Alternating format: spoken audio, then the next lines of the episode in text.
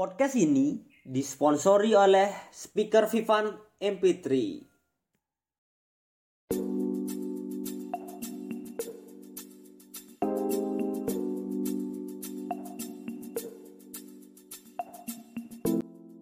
Halo semuanya, balik lagi bersama gue Ketut Wikayana. Jadi ini merupakan podcast gue yang ketiga. Semoga podcast ini bisa lebih baik dari podcast gue sebelumnya. Dan buat kalian yang baru bergabung, gue harap kalian menonton podcast gue yang sebelumnya. Dan gue juga mau terima kasih buat kalian semua yang sudah menonton podcast gue dari yang pertama sampai sekarang. Dan tanpa dukungan kalian, semua podcast ini tidak akan bisa berkembang. Oke, kali ini topik yang gue ambil adalah tentang salah satu trending topik yang mungkin tidak asing lagi di telinga kalian. Di mana hal ini membuat kekacauan yang begitu besar, khususnya di dalam ekonomi masyarakat. Apalagi kalau bukan si corona. Jadi, corona ini yang dapat kita sebut sebagai pembuat onar dan sama sekali tidak memberikan hal yang positif gue terkadang heran entah kenapa ini virus kok nggak hilang-hilang padahal sudah banyak masyarakat mematuhi protokol kesehatan yang diberikan oleh pemerintah walau masih ada saja segelintir orang yang enggan untuk mematuhi apa yang dikatakan pemerintah yaitu terkait dengan protokol kesehatan mungkin kalian semua tahu banyak sekali masalah yang ditimbulkan oleh corona belakangan ini mulai dari aturan berdagang dan masalah lainnya. Ketika awal-awal adanya corona, banyak masyarakat yang dihebohkan dengan adanya larangan keluar rumah. Hal itu menyebabkan orang-orang bekerja di kantoran maupun PNS lainnya dan masih banyak lagi terpaksa harus dirumahkan karena pandemi COVID-19 ini. Bahkan lebih parahnya lagi, beberapa pekerja ada yang di DO. Hampir semua sektor terkena dampak negatif COVID-19. Namun setelah itu, banyak juga orang-orang influencer melakukan donasi atau memberikan bantuan kepada siapa saja yang membutuhkan. Dengan berupa masker, sembako, dan lain-lain. Selain para PNS, ojol juga terkena dampak yang sangat signifikan bagi para ojol, ini merupakan pukulan yang sangat mempengaruhi kehidupan mereka. Karena mereka yang paling rentan terkena paparan virus COVID-19. Sebab mereka bekerja dan resiko mereka sangat tinggi. Selain itu, mereka rela berjuang di jalanan dengan kondisi yang mengkhawatirkan demi sesuap nasi. Mungkin bagi orang-orang yang pekerjaannya tidak terkena dampak COVID, masih bisa mendapatkan apa yang mereka inginkan.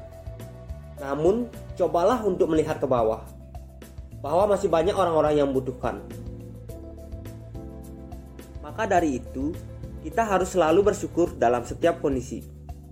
Bagi kalian semua yang mungkin memiliki rezeki lebih, gue harap khususnya buat kalian pendengar setia gue, agar tetap ingat membantu sesama.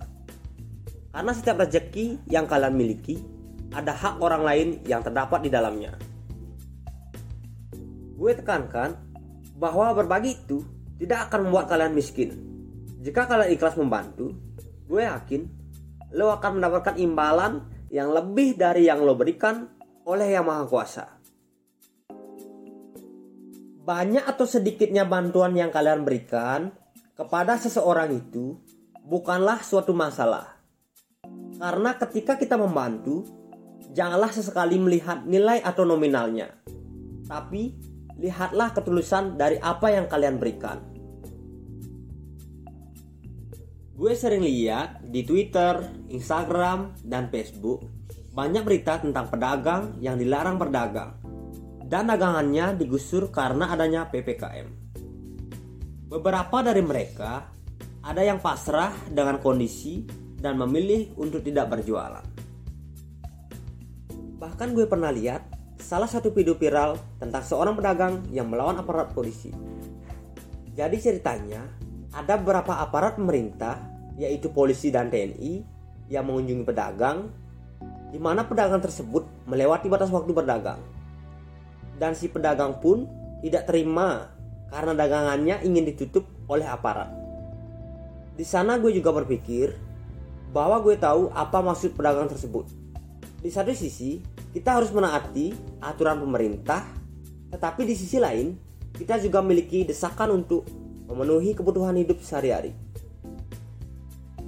Ibaratkan, kita itu adalah singa yang dikurung dan memiliki dua pilihan, yakni keluar mencari kebebasan atau tetap dikurung dan mati sia-sia.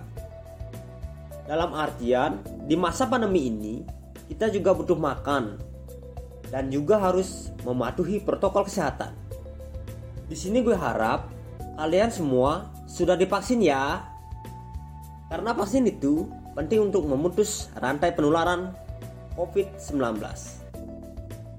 Di mana pun kalian berada, tetap ingat untuk mematuhi protokol kesehatan. Karena ini demi kebaikan kita bersama. Dalam hal ini, semua masyarakat hendaknya bersatu demi mempercepat pemulihan kondisi agar perekonomian bangsa kembali normal dan kita semua bisa beraktivitas normal kembali guna menemukan kebebasan. Kita harusnya tetap bersabar dan berdoa agar kita cepat terbebas dari pandemi ini dan menghirup udara segar kita juga harus sadar bahwa masih banyak orang-orang di luar sana yang lebih menderita dibandingkan kita. Karena di bawah tanah masih ada tanah, dan kita harus yakin bahwa ini akan segera berlalu. Karena habis gelap, terbitlah terang. Kondisi ini merupakan roda kehidupan yang akan selalu berputar. Bukan cuma gue, tetapi semua orang memiliki kekhawatiran terhadap kondisi ini. Tetapi kekhawatiran yang berlebihan tidak akan merubah keadaan. Dan kita hendaknya berusaha untuk mematuhi protokol kesehatan secara maksimal. Tetapi jangan lupa juga untuk mencari makan. Oke semuanya, jadi itu adalah podcast gue yang ketiga.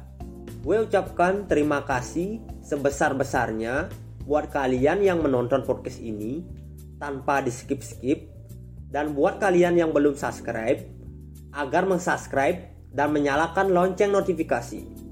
Dengan demikian, artinya kalian mendukung channel ini untuk berkembang lebih baik lagi ke depannya.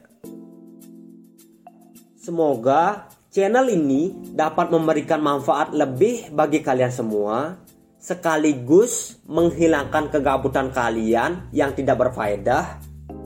Sekian pembahasan gue tentang podcast ini. Jika ada salah kata, mohon dimaafkan.